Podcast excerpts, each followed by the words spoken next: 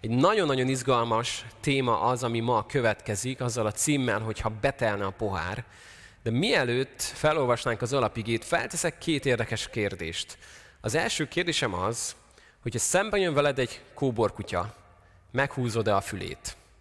A második kérdésem az, hogy egy hatalmas árvíz indul el feléd, ott maradsz, vagy elfutsz? Nézel most valószínűleg nagy szemekkel, hogy ennek mi értelme ennek a két kérdésnek, mi köze van bármihez, ami ne, mi köze van egyáltalán Istenhez ennek a két kérdésnek, de hiszem azt, hogy nem sokára majd látni fogod, hogy ez a kettő kérdés nagyon fontos. Most viszont egy kicsit ugorjunk vissza az abcselbe, mielőtt ezt a két kérdést megválaszoljuk. Nézzük meg, hogy honnan vesszük fel a fonalat. Utoljára, amikor személyesen találkozhattunk, múlt hét vasárnap, akkor az Abcsel tizet néztük végig, azt az érdekes történetet, amikor Isten elhívja Pétert, hogy menjen el Cornélius házába, előtte elhívta Cornélius, hogy küldjen el Péterhez. És végignéztük az egész folyamatot, amin keresztül a Isten valami nagyon újat kezd. A pogányokra is kiárad a Szent Lélek, és Péter teljesen le van döbbenve a vele levő zsidókkal, hogy hát akkor ők is veszik a Szent Lelket, Szent Szellemet, pontosan úgy, mint mi. És miért volt ez egy nagyon nagy dolog? Azzal a címmel foglalkoztunk, hogy miért kellek én Istennek. Ugyanis megnéztük, hogy lehetett volna máshogy is csinálnia Istennek, hogy rám hallgatott volna, egy darab angyal kellett volna, és egy perc. És ezt elmondja Kornéliusnak, Ehelyett ő úgy döntött, hogy hosszú napokon keresztül mozognak az emberek először Péterhez, majd Péterrel vissza, a hat zsidó, a három ember, aki elment Péterhez, összeszámoljuk tizenvalahány ember, és körülbelül négy nap mire az üzenet megérkezik, Isten mégis ezt a lassú változatot választotta, amikor embereket használt. Amikor Péternek háromszor mutatott meg egy látomást, és még mindig nem igazán értette, mégis ezt választotta. Azért, mert szereti, amikor a munkatársai vagyunk, mert szereti, amikor meghív minket az ő munkájába, és szeret rajtunk keresztül dolgozni. De mielőtt rajtunk keresztül dolgozna, először mindig bennünk dolgozik. Ez nagyon fontos, és szeretném, ha megérteni nagyon mélyen a szívedbe, hogy mielőtt Isten általad dolgozik, mindig benned dolgozik. Péter már egy tímánál van elszállásolva, nem biztos, hogy értette, hogy hogy került ő oda, de Isten már dolgozott benne, mielőtt általa dolgozott volna. És innen veszük fel a fonalat, mondhatnánk azt, hogy minden szép, minden jó, végre a pogányoknak is kinyitatott az örömhír, és innentől kezdve az egész apostolok cselekedetei az csupa móka és kacagás, de nem ez történt. Ugyanis a 11. fejezettől egy nagyon érdekes konfliktus fog előjönni, a zsidó keresztények részéről, akik nem élték át azt, amit Péter átélt, akik nem látták azt a látomást, amit Péter látott, akik nem voltak ott Cornélius házában, és teljesen kiakadtak azon, hogy Péter miért ment oda. Na de olvassuk el szó szerint, hogy mi történik itt. Tehát lapozunk az Abcsel 11-hez, és egy kicsit konfliktusokkal teli fejezet nyílik meg ezzel, de mégis egy nagyon-nagyon szép fejezet ez. Meghallották azonban az apostolok és a Júdeában levő testvérek, hogy a pogányok is befogadták az Isten ígéjét. Amikor aztán felment Péter Jeruzsálembe, vitatkoztak vele a zsidó származású hívők, ezt mondva neki, körülmetéletlen emberekhez mentél be, és együtt ettél velük.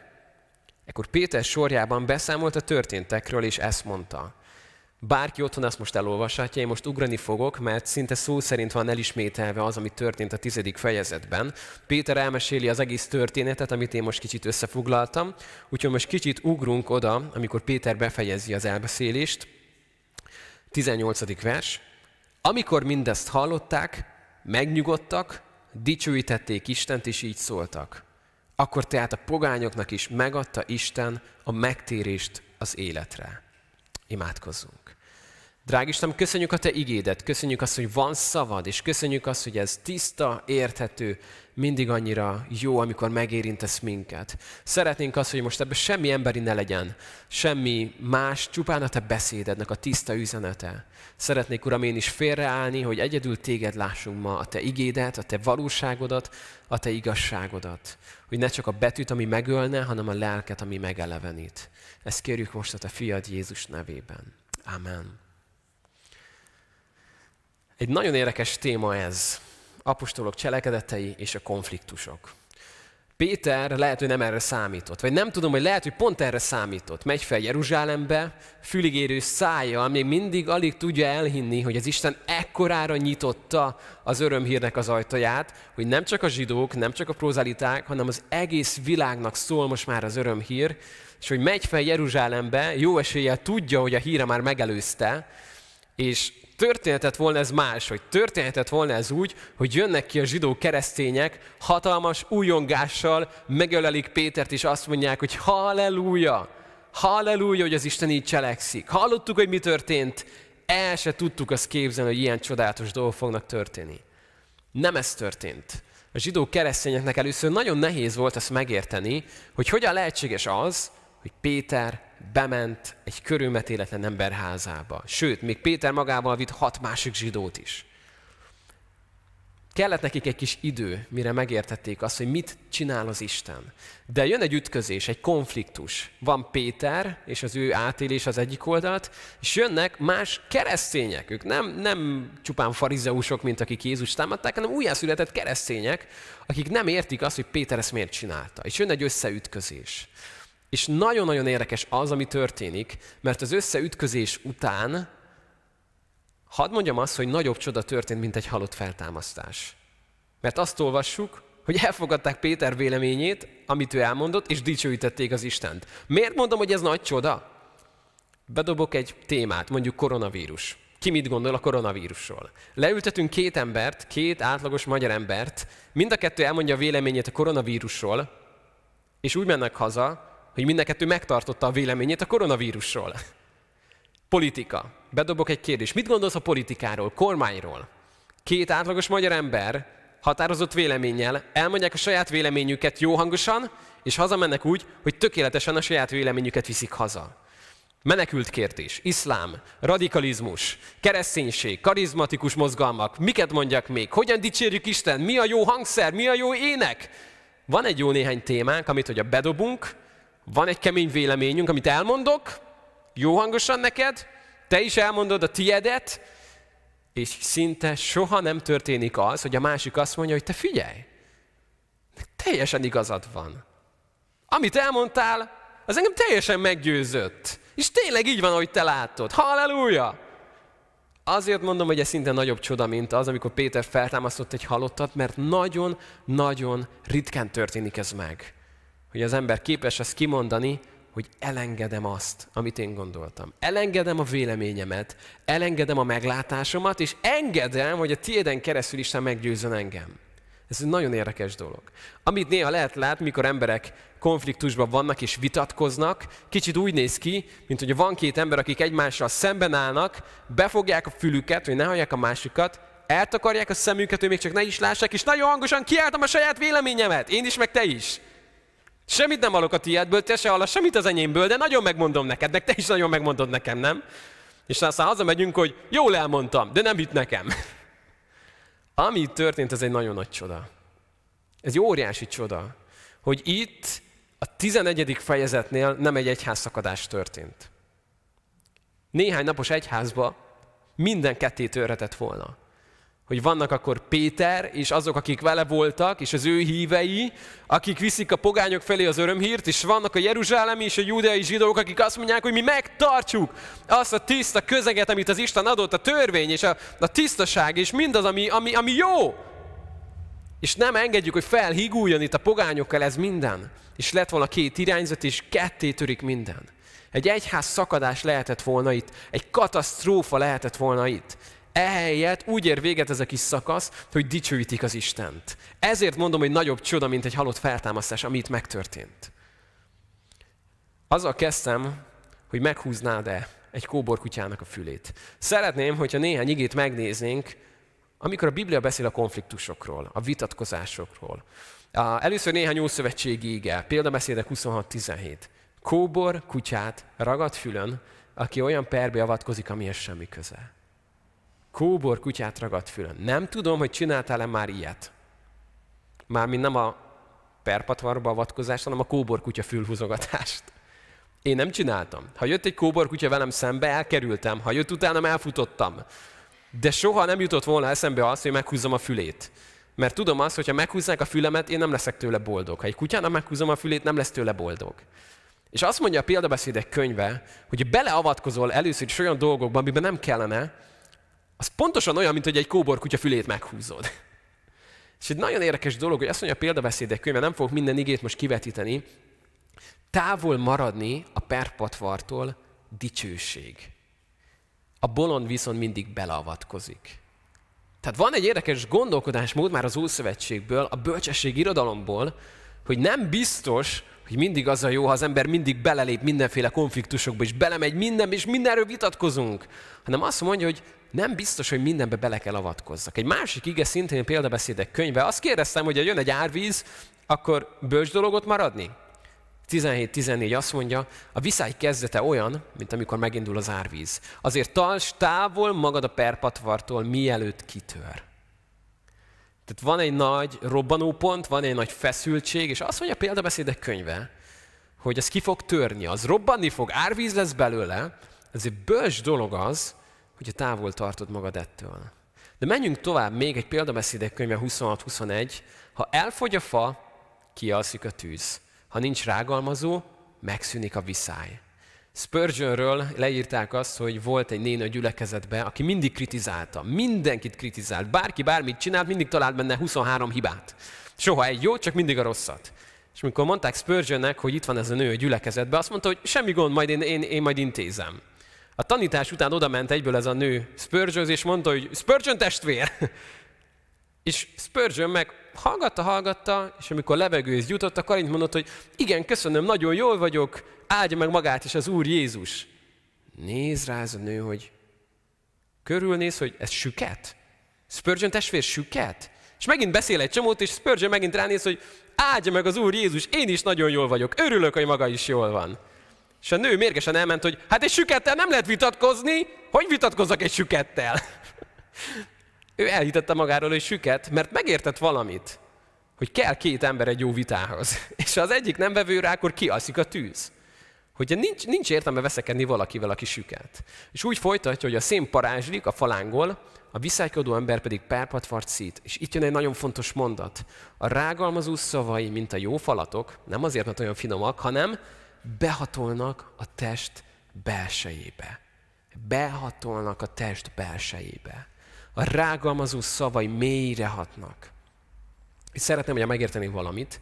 Isten arra hívott el téged, hogy áldást mondjál. Arra hívott el, hogy a beszédet kedves legyen, sóval fűszerezett, áldás legyen azoknak, akik hallgatják. Ez nem azt jelenti, hogy mindent megdicsérünk, és a rosszra is azt mondjuk, hogy jó. De azt jelenti, hogy arra törekszek, hogy építsek a beszédemmel. Van, amikor igen, helyre kell igazítani dolgokat, de legyen áldás a beszédem, mert a szó az nagyon mélyre megy.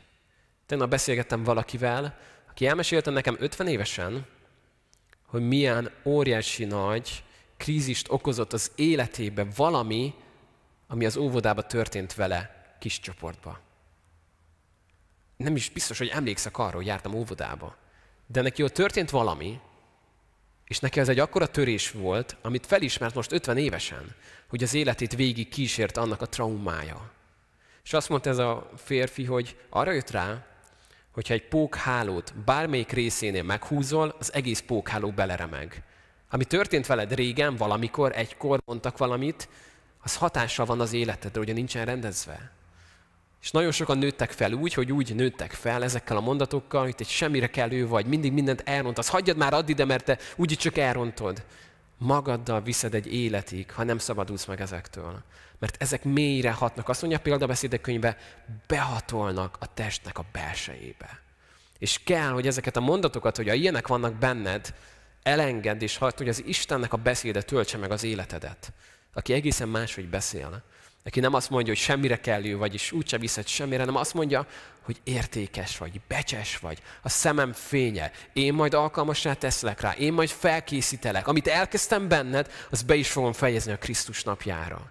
Cseréld le ezeket a mondatokat nagyon gyorsan, mert magaddal viszed. Továbbadod majd a gyermekeidnek, az unokáidnak, észre se fogod venni. Kell, hogy ez a rágalmazás helyett az áldást töltse be a szívedet. Na de menjünk tovább, mert nem csak az Ószövetség beszél a vitatkozásokról, perpatvarról, hanem az új szövetség is. És nehogy azt higgyük, hogy most azt akarom kikerekíteni, hogy soha nem szabad vitatkozni, mert Jézus sokat vitatkozott például a farizeusokkal. Sokszor belement olyan beszélgetésekbe, ami konfliktusok voltak. A példabeszédek inkább azt akarja kihozni és kiemelni, hogy nem biztos, hogy mindegyikbe bele kell lépni. Nem biztos, hogy az a bölcsesség, hogy mindig darálom az igazamat, és nem biztos, hogy az a jó, ha minden csatába belemegyek, hanem megnézem azt, hogy megválogatom a harcaimat. Ezt hadd húzom megint alá, hogy válogass meg a harcaidat. Megéri-e nekem ez a kapcsolat, hogy harcoljak benne? Ére annyit ez a dolog, hogy bebizonyítsam, mint amennyi kárt okozok közben az emberekben megválogatni a harcaimat. Na de nézzük az új szövetséget. Titusnak azt mondja Pálapostól a 3.9-ben, kerüld az ostoba vitatkozásokat, a nemzetségtáblázatokkal kapcsolatos kérdéseket, a viszálykodásokat és a törvényeskedő harcokat, mert ezek haszontalanok és hiába valók. Timóteusnak pedig ugyanilyesmit mond, és a végén oda teszi, hogy a hallgatók romlására van. Már annak is rossz, aki csak hallgatja. Emlékszek azokra a hitvitákra, amiket végigültem fiatal keresztényként. Volt két erős véleményű keresztény testvér, és ott vitatkoztak előttem. Nem nagyon emlékszek arra, hogy mi lett a vége, de arra emlékszek, ahogyan gyűlöletes szemmel nézték egymást, és mondták az igazukat, hogy mennyire igazuk van ebben a teológiai kérdésben. Én ott ültem, és le voltam forrázva, hogy tényleg ér annyit az igazságod, hogy agyon csap vele a másikat. Hol van az Isten szeretete? Annyi maradt meg nekem, hogy feszülnek a nyakizmok, és mérgesség van, és ajtócsapkodás. És akkor rájöttem, hogy hát akkor nekem az a romlásomat okozta. Csupán az, hogy végig kellett hallgassam. Ezért azt mondja Pál Titusnak, meg Timóteusnak is, hogy az ostoba vitákat kerüld el. Lehet, hogy be tudnád bizonyítani az igazadat, de kerüld el. Tér ki előlük. Viszálykodások, törvényeskedések. Kerüld el ezeket mert haszontalan, hiába való. Mit mond még az új szövetség? Jakab 4.1. Honnan vannak a viszályok és a harcok közöttetek? Nem a tagjaitokban dúló önző kívánságok okozzák ezeket?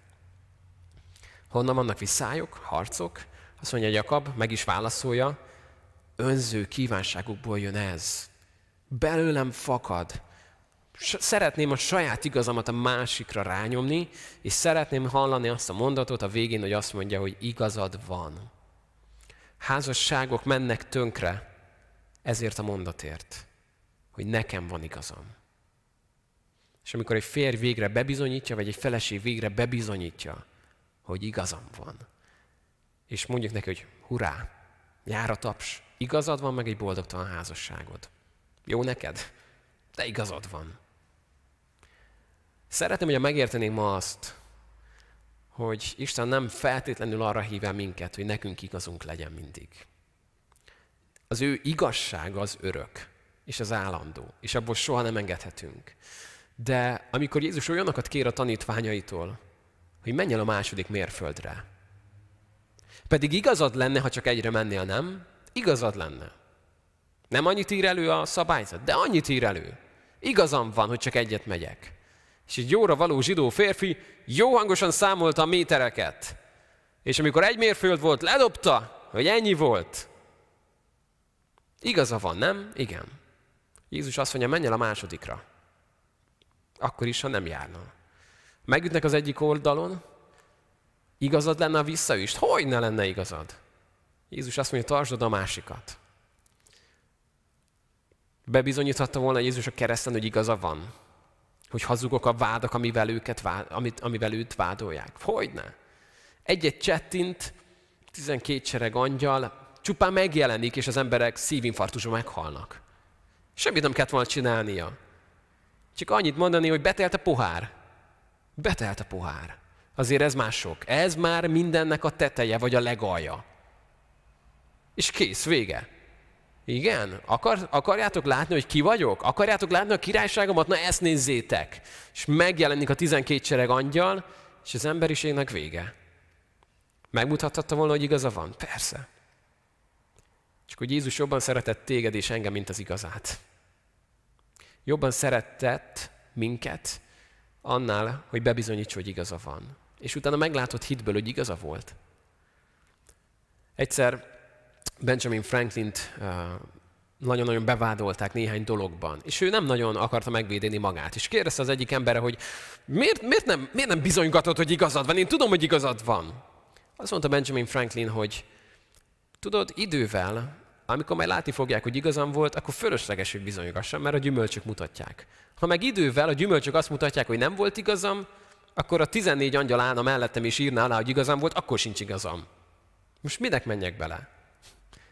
Nagyon nagy bölcsességre van ez a mondat. Nagyon nagy higgadságra és türelemre van ez a mondat. És szeretném, hogy amíg megértenénk azt, hogy különböző temperamentumunk van. Vannak emberek, akik nagyon-nagyon hamar felcsattannak, és vannak emberek, akiket borzasztó nehéz felhúzni. Valamikbe tartozol. Lehet, hogy nem az egyik szélsőségbe vagy, de valamelyikhez közelebb vagy. Én, én inkább az az ember vagyok, aki, aki nagyon lassan és nagyon hosszú időn keresztül húzom fel magam. Uh, mielőtt azt mondanád, hogy de jó neked, nem annyira jó nekem, mert hogyha valaki felcsattan és gyorsan kiadja magából, ő utána tovább lép és eszébe jut a dolog. Én képes vagyok hetekig, hónapokig emészteni magam belül valamin és nem mutatom ki, hogy valami zavart, hogy valami rossz volt, de belül szépen lassan elkezdek mérgelődni, morgolódni, és nagyon hosszú távon tudom ezt tartani. Szóval nekem ezt kell magamba helyre tegyem, és ezzel kell birkózzak, Uh, nem nagyon szoktak kiakasztani hirtelen dolgok, hanem hosszú távon. Ha viszont lehet, hogy te az a típus vagy, aki beülsz a kocsiba, és két perc után teljesen kikelsz magadból azért, mert valaki mondjuk befékezett előtted, és kiakadsz ettől. Vagy belassul a telefonod, vagy lefagyott a laptopod, és felrobban az agyat tőle. Lehet, hogy ez a típusú ember lennél, ez lenne a temperamentumod. De hadd hívjalak meg arra, hogy ne engedd csupán azt, hogy a vér mérsékleted, az, hogy milyen temperamentumod van, irányítson téged. Hogyha ezt hagyod, akkor pontosan olyan lesz az életed, mint hogyha mennél a kamionnal az M3-as autópályán 130-al, vagy 90-nel, vagy bármennyivel, és időnként elengednéd a kormányt. Mert most olyan ott van, hogy most elengedem a kormányt. Mi történne? Nyilván tragédia, baleset. Amikor kiengeded az irányítást, és hagyod, hogy feltörjön, és felrobbansz, az pontosan ilyen, mikor elengeded a kormányt. És lehet, hogy te hamar túl leszel rajta, de nagyon nagy káosz tudsz okozni magad körül. Emlékszünk azokra, hogy a rágalmazó szavai mélyre hatolnak az ember testébe? Lehet, hogy te megkönnyebbülsz, hogy kiengedtem a gőzt, és kiadtam magamból, de körülötted meg egy csomó sebesült és áldozat van. Nagyon rossz látni, amikor egy családban van valaki, aki ilyen, aki mindig hirtelen felcsattan, és sose lehet tudni, hogy milyen hangulatában van. És mindenki próbál rá vigyázni. Nehogy, meg, nehogy megbántsuk valamivel, nehogy valami, valami történjen, mert fel fog csattanni, és nem tudjuk, kiszámíthatatlan, hogy mi fog itthon történni. És az emberek körülötte félelmekben élnek. Mert valamikor felrobban, akkor aztán robban, és nagyot szól. Utána ő jól van, és jó kedve lesz, de körülötte mindenhol áldozatok vannak. Ezért fontos, hogy, hogy, hogy foglalkozz azzal, hogy te hogyan kezeled a haragodat. Mert a Biblia azt mondja, hogy ha haraguztok is, vagy más, hogy talán szó szerint haragudjatok, de ne védkezzetek. Szóval a harag nem egyenlő a védkezéssel. A harag az nem bűn. Jézusra is tudjuk, hogy volt, amikor haragudott, és azok jó dolgokra vitték. És meg fogjuk majd nézni az alkalmunk végén, hogy milyen az a harag, ami jó. De most nézzük meg, hogy mi történt az abcsában. Egy kicsit megnézzünk néhány igét a, a viszálykodásról, perpatvarról, de amit itt látunk, hogy ez nem egy haszontalan vita volt amire azt mondtuk volna Péternek, hogy Péter, nem menj bele, hát ez haszontalan, nem lényeges. Az örök életnek az egyik legfontosabb témája került elő, hogy most szabad hirdetni az örömhírt pogányoknak, vagy nem. Ez elég fontos, nem? És ez nem egy olyan volt, amitől el kell menekülni Péternek, vagy, vagy ami nem fontos, ebbe bele kellett menni ebbe az utcába. Na de nézzük meg, hogy hogyan csinálták. Első dolog, amit Péter csinál. Mi volt az első, amit csinált? Csak rátok tudok nézni, nem vagytok sokan. Mi csinált Péter? Elmondta, így van. Elmondta. Elmondta, hogy mi történt. Azt mondanánk, hogy hát ez miért olyan nagy dolog, hogy Péter elmondta. Hát ez, ez a beszélgetés, nem hogy elmondja. Mi történt volna, Péter nem mondja el? Nem magyarázza el részletesen, hogy mi történt vele. Képzeld el a következő szituációt. Péter megjön Jeruzsálembe, Judeába, találkozik a testvérekkel, nagyon boldog, hogy az Isten hatalmasan cselekszik, és jönnek, és mondják, hogy Péter, te körülmetétlen emberek házába mentél be, és együtt ettél velük. Péter tudod, hogy hogy is reagáltott volna? És neked mi között hozzá? Először is mi az, hogy ilyen hangnebe beszélsz velem? Hát vegyél már vissza a lendületből, nem? Hát én vagyok Péter. Hát nem hallottad, hogy mit mondott rólam Jézus? Csak úgy felfrissítem, tudod, Petra, Petros, az itt egy van szó. Én vagyok Péter. És, és, és miért kéne neked elmagyarázom meg? Miért kéne neked számot adjak? Na, mi között van neked ehhez? Beszélhetett volna Péter így. Felemeli a hangját, felhúzza magát azon, hogy miért kéne nekem magyarázatot adjak nektek? Hát ki vagy? Ti vagytok az én mestereim, vagy mi? Hát, hát ezt kellett tegyem, ezt csináltam, pont, vége, vita lezárva. Péter reagáltott volna így. Ehelyett Péter alázatosan, tisztán elmondja, hogy mi történt. Elmondja a részleteket, elmesél mindent. A második dolog, ami történt ennél a konfliktus kezelésnél, hogy meghallgatták. Az, hogy Péter sokáig beszél, az azt jelenti, hogy nem szóltak közbe. Van egy, egy hazugság, amit nagyon sok ember hisz magáról.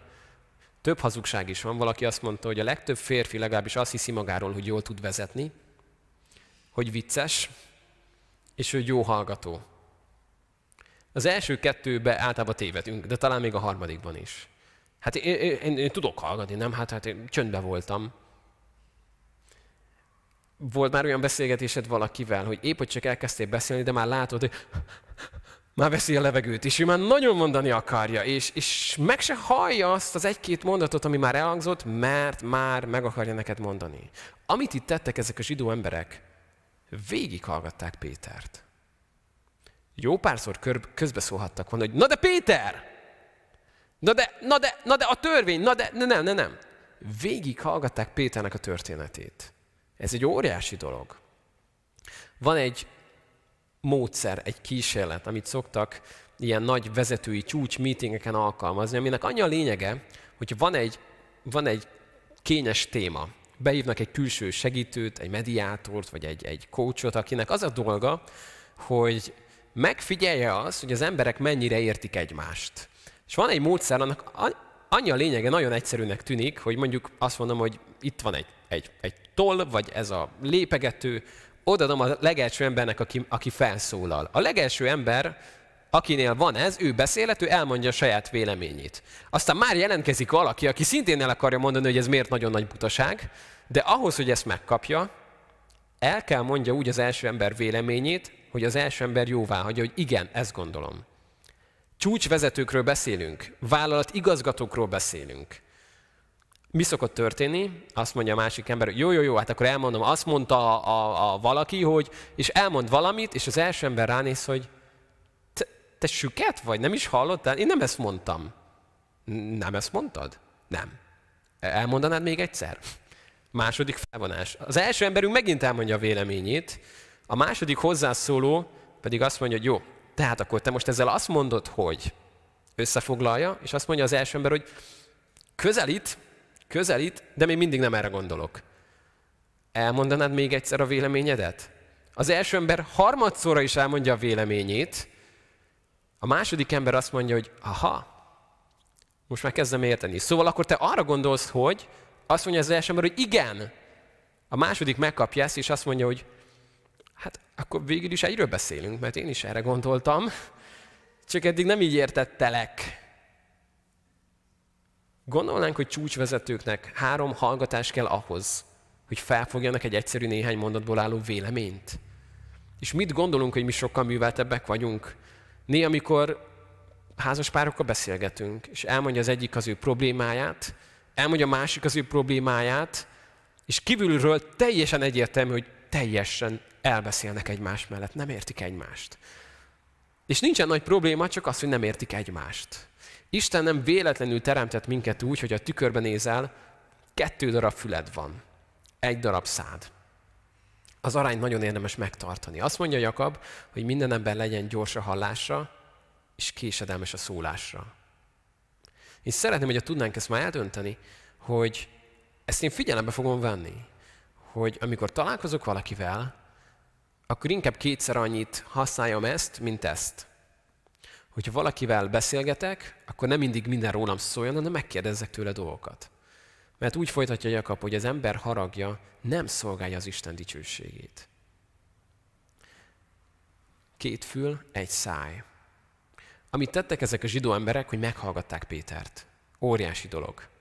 Óriási egy, egy házassági konfliktusban az, amikor le tudnak ülni úgy a házas párok egymással szembe, hogy végighallgatom.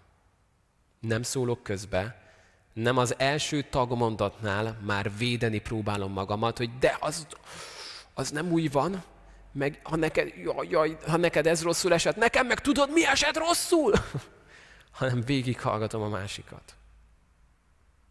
Ez kell egy értelmes elbeszélés, ami nem úgy kezdődik, hogy te mindig, te soha, te ilyen vagy, hanem ebben elmondom azt konkrétumokkal, hogy amikor ez történt, az nekem rosszul esett. Vagy amikor ezt mondod, az bennem azt eredményezi, hogy. És kinyitom előtted a szívemet, hogy elmondjam neked azt, hogy mi van bennem. És hogyha van egy ilyen értő meghallgatás, néha nehéz dolgokat kell ám átbeszélni egy házasságban, de az meghallgatás után jön egy nagyon érdekes dolog, a harmadik, hogy tudtok nekem segíteni valamiért, most nem tudok lépni. A harmadik, ami történt, az az, hogy megnyugodtak. Ebből következik az, hogy előtte nem voltak megnyugodva. Hanem nagyon feszültséges volt az a beszélgetés, de jött egy megnyugodás. És a negyedik, dicsőítették az Istent. Ami nagyobb csoda, mint egy halott feltámasztás. Hogy itt nem egy egyházszakadás történt, hanem az emberek megnyugodtak, dicsőítették az Istent. Mert megértettek valamit abból, amit az Isten cselekszik. Máshogy, mint ahogy eddig. Péternek is kellett három látomás, hogy megértse, hogy mi, mi fog történni. Kellett neki is, hogy a saját szemével lássa azt, hogy pogányokra leszáll a Szentlélek. De aztán végig ment a többieken is. Megnyugodtak, dicsőítették az Istent. Az egyik erdőben találtak egy nagyon érdekes tetemet. Először azt hitték, hogy egy szarvas tetem, aztán rájöttek, hogy kettő. És nagyon különös módon haltak meg ezek a szarvasok. Nem volt nagyobb sérülésük, éhen haltak. Miért haltak éhen? Benne voltak egy, egy birkózásba, lehet, hogy le akartak nyűgözni egy hölgyet, és összeakadtak az, az agancsok, és nem tudták szétszedni. És ebbe haltak bele, összeakadt agancsokkal, éhen halva. Életképtelen a két szarras össze van akadva az agancsa. És nem, nem, nem, nem tudtak ebből elengedni. És látni ma is embereket, akiknek össze van akadva az agancsa másokkal. És kezdenek éhen halni. Mert ez nem arra való, hogy így élj egy életet. Haragba vagy ezzel, haragba vagy amazzal. Nemrég beszélgettem valakivel, aki elmondta, hogy mennyire ritka ma az olyan gyermek, aki úgy születhet meg, hogy van egy darab anyukája és egy darab apukája, aki férj és feleség, és szeretik egymást, és szeretik őt. A szüleinek vannak szüleik, akik szeretik egymást, és szeretik őket. Anyóst, apóst, oda-vissza, esetleg még a szomszédokkal sincs gond, hanem ott is van egyfajta szeretet, netán még a munkahelyen is, Borzasztó ritka ma ez. Hogy valaki úgy nőhet fel, hogy ezt átéli, hogy nincsenek összeakadt agancsok mindenfele. Hogy én ezzel már nem állok szóba, meg azzal, meg ezzel a szomszéddal, meg azzal a munkatársal, meg a így, úgy, amúgy, és, és ez mérgez minket, mert behatol mélyen a testnek a belsejébe. És ha van egy megbékélés, egy megnyugvás, akkor ez történik, hogy dicsőítették az Istent.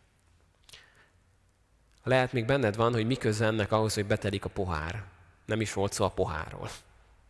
De szeretném, hogy megértenél valamit. Néha az élet nehéz. Néha történnek rossz dolgok. Néha történnek igazságtalan dolgok. Munkahelyen, családban, bárhol előfordulhat az, hogy olyan dolgok történnek, amik töltik meg a te poharadat. És eljött az a pont, mikor azt szoktuk mondani, hogy na most már betelt a pohár. Tűrte, toldi, tűrte, ameddig bírt, aztán kész, vége volt mindennek. Repül a malomkő. De van egy egyszerű trükk, ami segít azon, hogy ne teljen be olyan gyorsan a poharad. Nem kell hozzá sok minden, csak egy olló. Kivágod az alját. Onnantól kezdve folyik bele, és folyik ki belőle.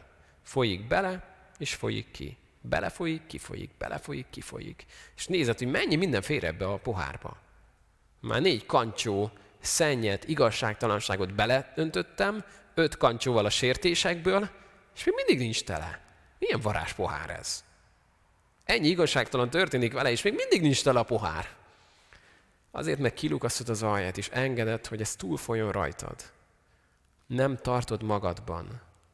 Az ember nem arra lett tervezve, hogy, hogy képes legyen egészségesen haragot tartani.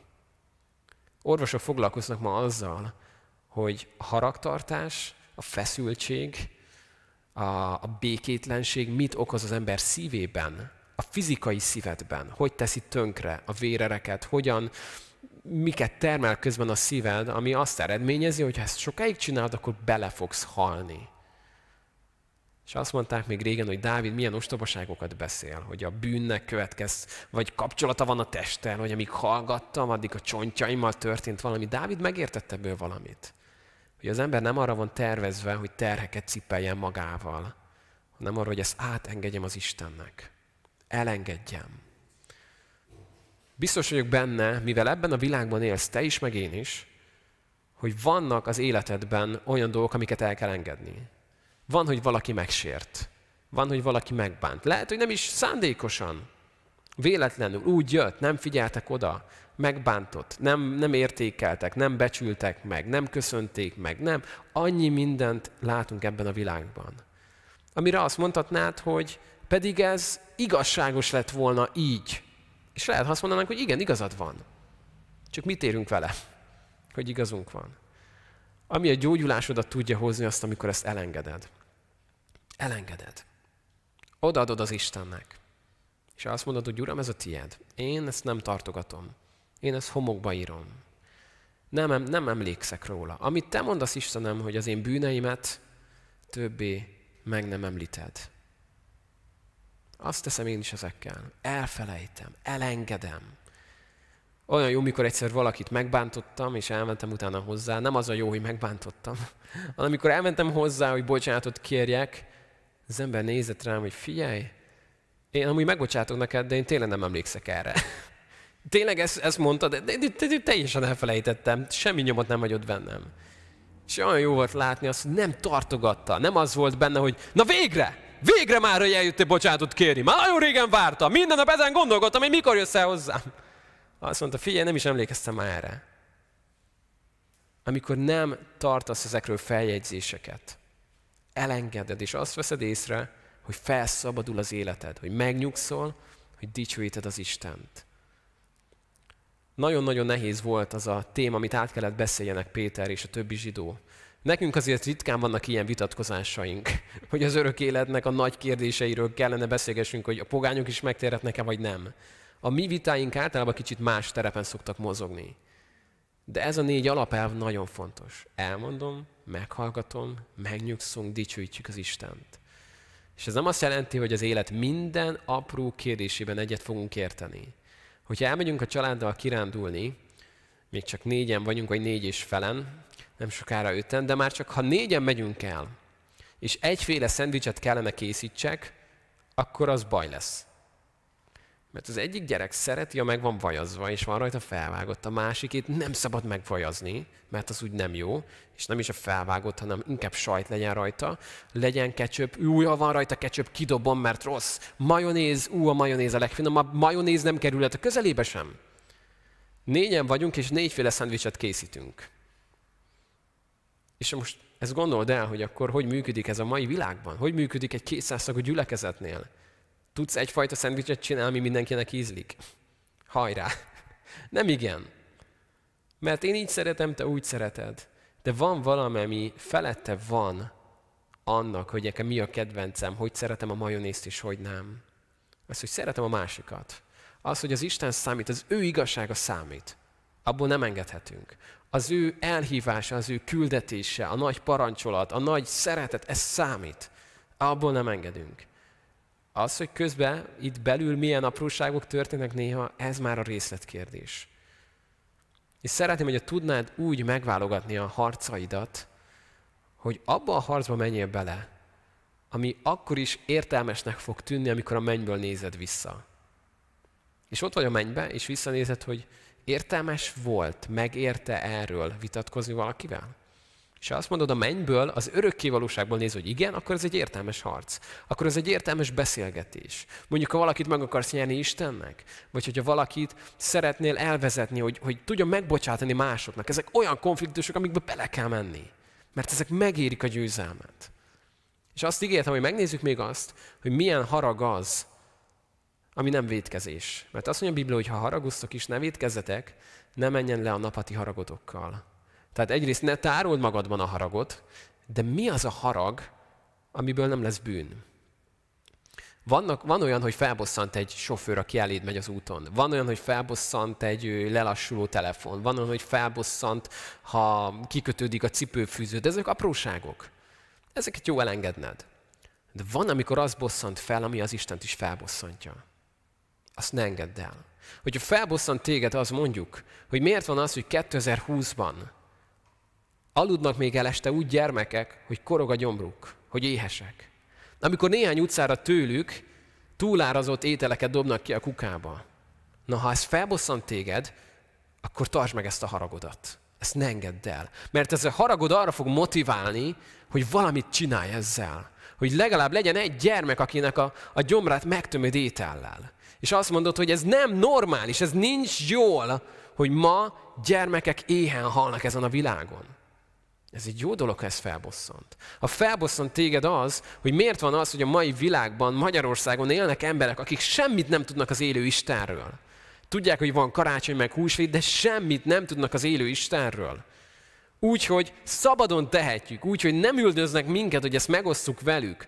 Hogyha felbosszant az, hogy a te ismerőseid között is van ilyen ember, akkor bosszantson fel.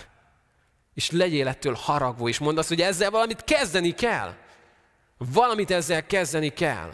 Hogyha felbosszant az, és haragszol amiatt, hogy a mai világunkban nőknek száz ezrei adják el testüket, hogy abból éljenek, és kiszolgáltatottá lesznek, és, és rabszolgaságban élnek, akkor ez bosszantson fel. És vigyen el téged oda az Isten, hogy, hogy szembeszállsz ezzel, hogy ezen változzon valami. Hogy felbosszant az, hogy ma vannak emberek, akiket megítélnek a bőrszínük miatt, az etnikumuk miatt, vagy a pénzük, vagy annak hiánya miatt, ez bosszantson fel.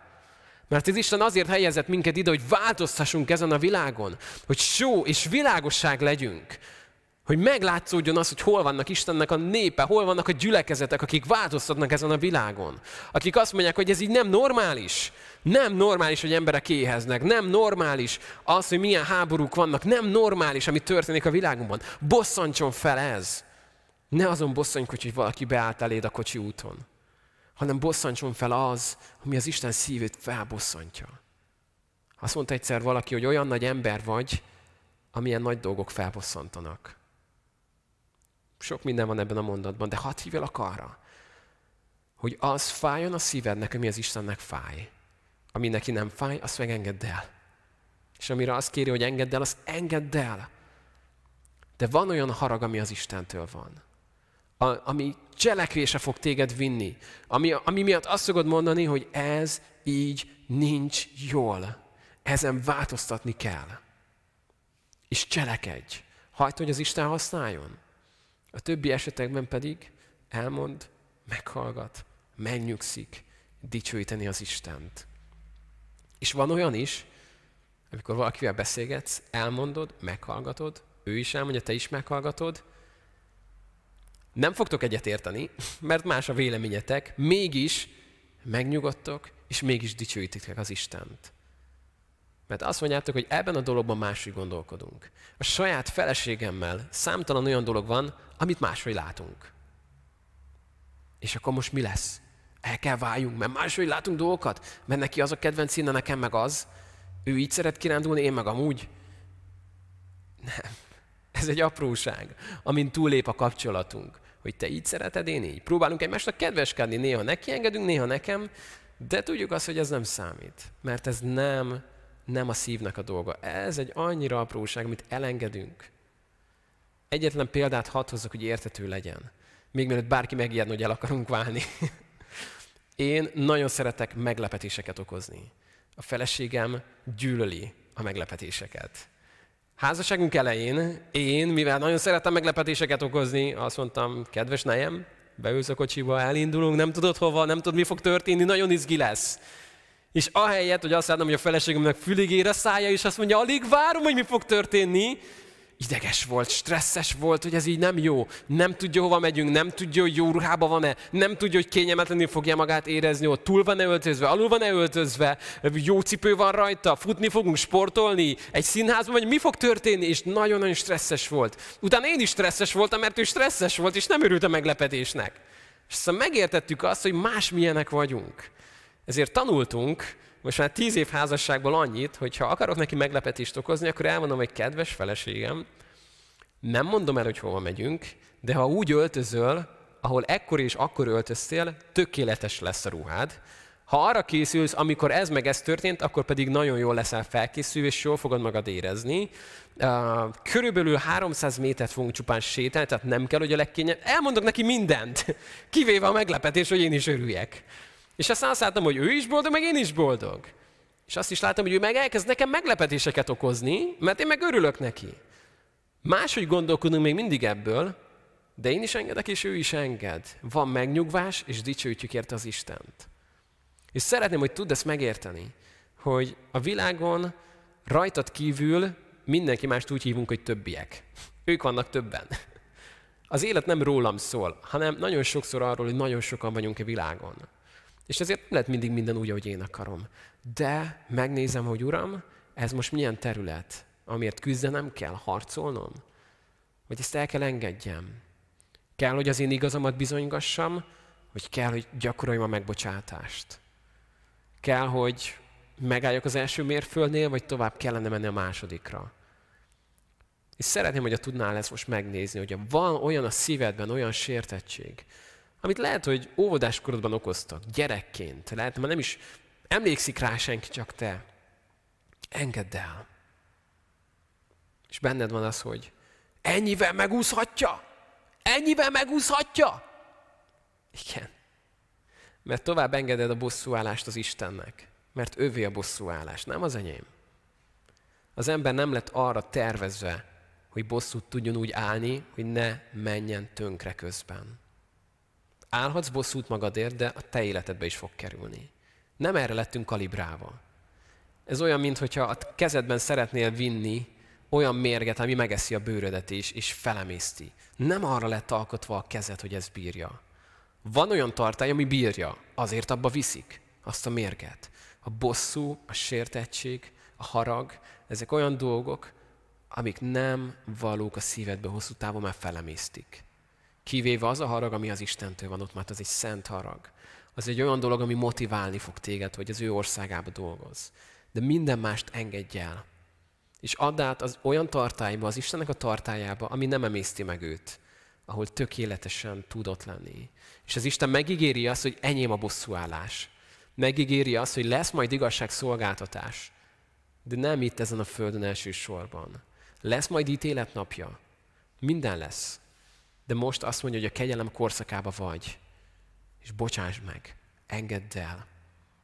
És nem ezt kéri tőlünk, hanem azt mondja, hogy ahogyan én megbocsátottam neked, ahogyan én elengedtem neked, ahogyan én a homokba írtam a te tartozásodat, ennyit kérek csupán tőled, hogy azt a kicsit, azt a jelentéktelent, amit, ami téged ért, ahhoz képest, amivel nekem tartoztál, engedd el.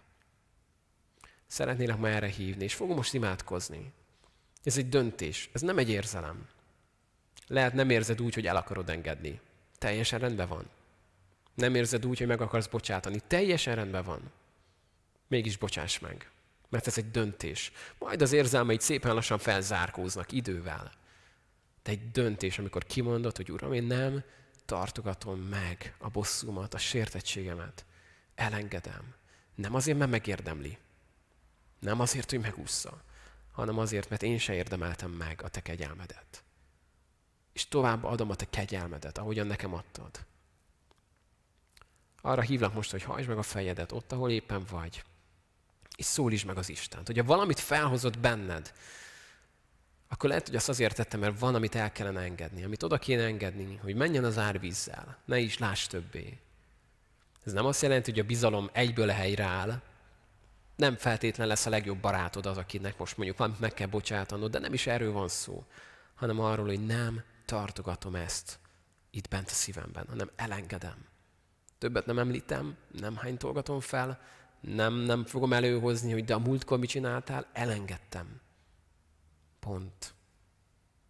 Imádkozzunk. Isten, én nagyon hálás vagyok azért, hogy a te kegyelmed az annyira tökéletes, hogy többé a mi bűneinkről meg nem emlékezel. Én köszönöm azt, hogy egy olyat kérsz tőlünk, amit te már réges-régen megtettél a kereszten. Én köszönöm azt, hogy nem túl nehéz, amit kérsz, hiszen te adod hozzá meg az erőt nekünk. Szeretnék, Uram, azért imádkozni, hogy vannak olyanok, akik tárolnak még olyan mérget, ami felemészti őket. Tudják, Uram, ezt ma kiengedni. Tudják elengedni, átadni neked. Imádkozok, Uram, elmérgesedett kapcsolatokért, házasságokért, családi visszájokért, hogy tudják, Uram, ezeket ma az emberek rendezni, elengedni, meghallgatni, elmondani, megnyugodni, dicsőíteni. Isten, köszönöm, hogy Te gyönyörködsz a helyreállásokban, a megbékélésekben. Köszönöm, hogy ránk bíztad a békéltetésnek a szolgálatát. Szeretnénk, Uram, ezt ma tenni. Szeretnénk, Uram, ebben erősödni. És kérlek, Uram, hogy add viszont azt a haragot a szívünkben, ami téged is feltűzel, ami téged is bosszant. Az bosszantson minket is. És abból ne engedjünk. Hadd hozunk változást ebben a világban. Hadd látszódjék az, hogy hol vagyunk. Hogy legyünk-e városnak és a országnak a reménysége, ahogyan rád mutatunk és megéljük a hitünket. De minden más tudom el akarunk engedni. Köszönöm, Atyám, hogy Te adod az ollót ahhoz, hogy a poharunk soha ne teljen be, hanem mindig átengedhessük neked mindent. Köszönöm, hogy nálad jó kezekben van. És köszönöm azt, hogy Te ezt már megtetted velünk. Amen.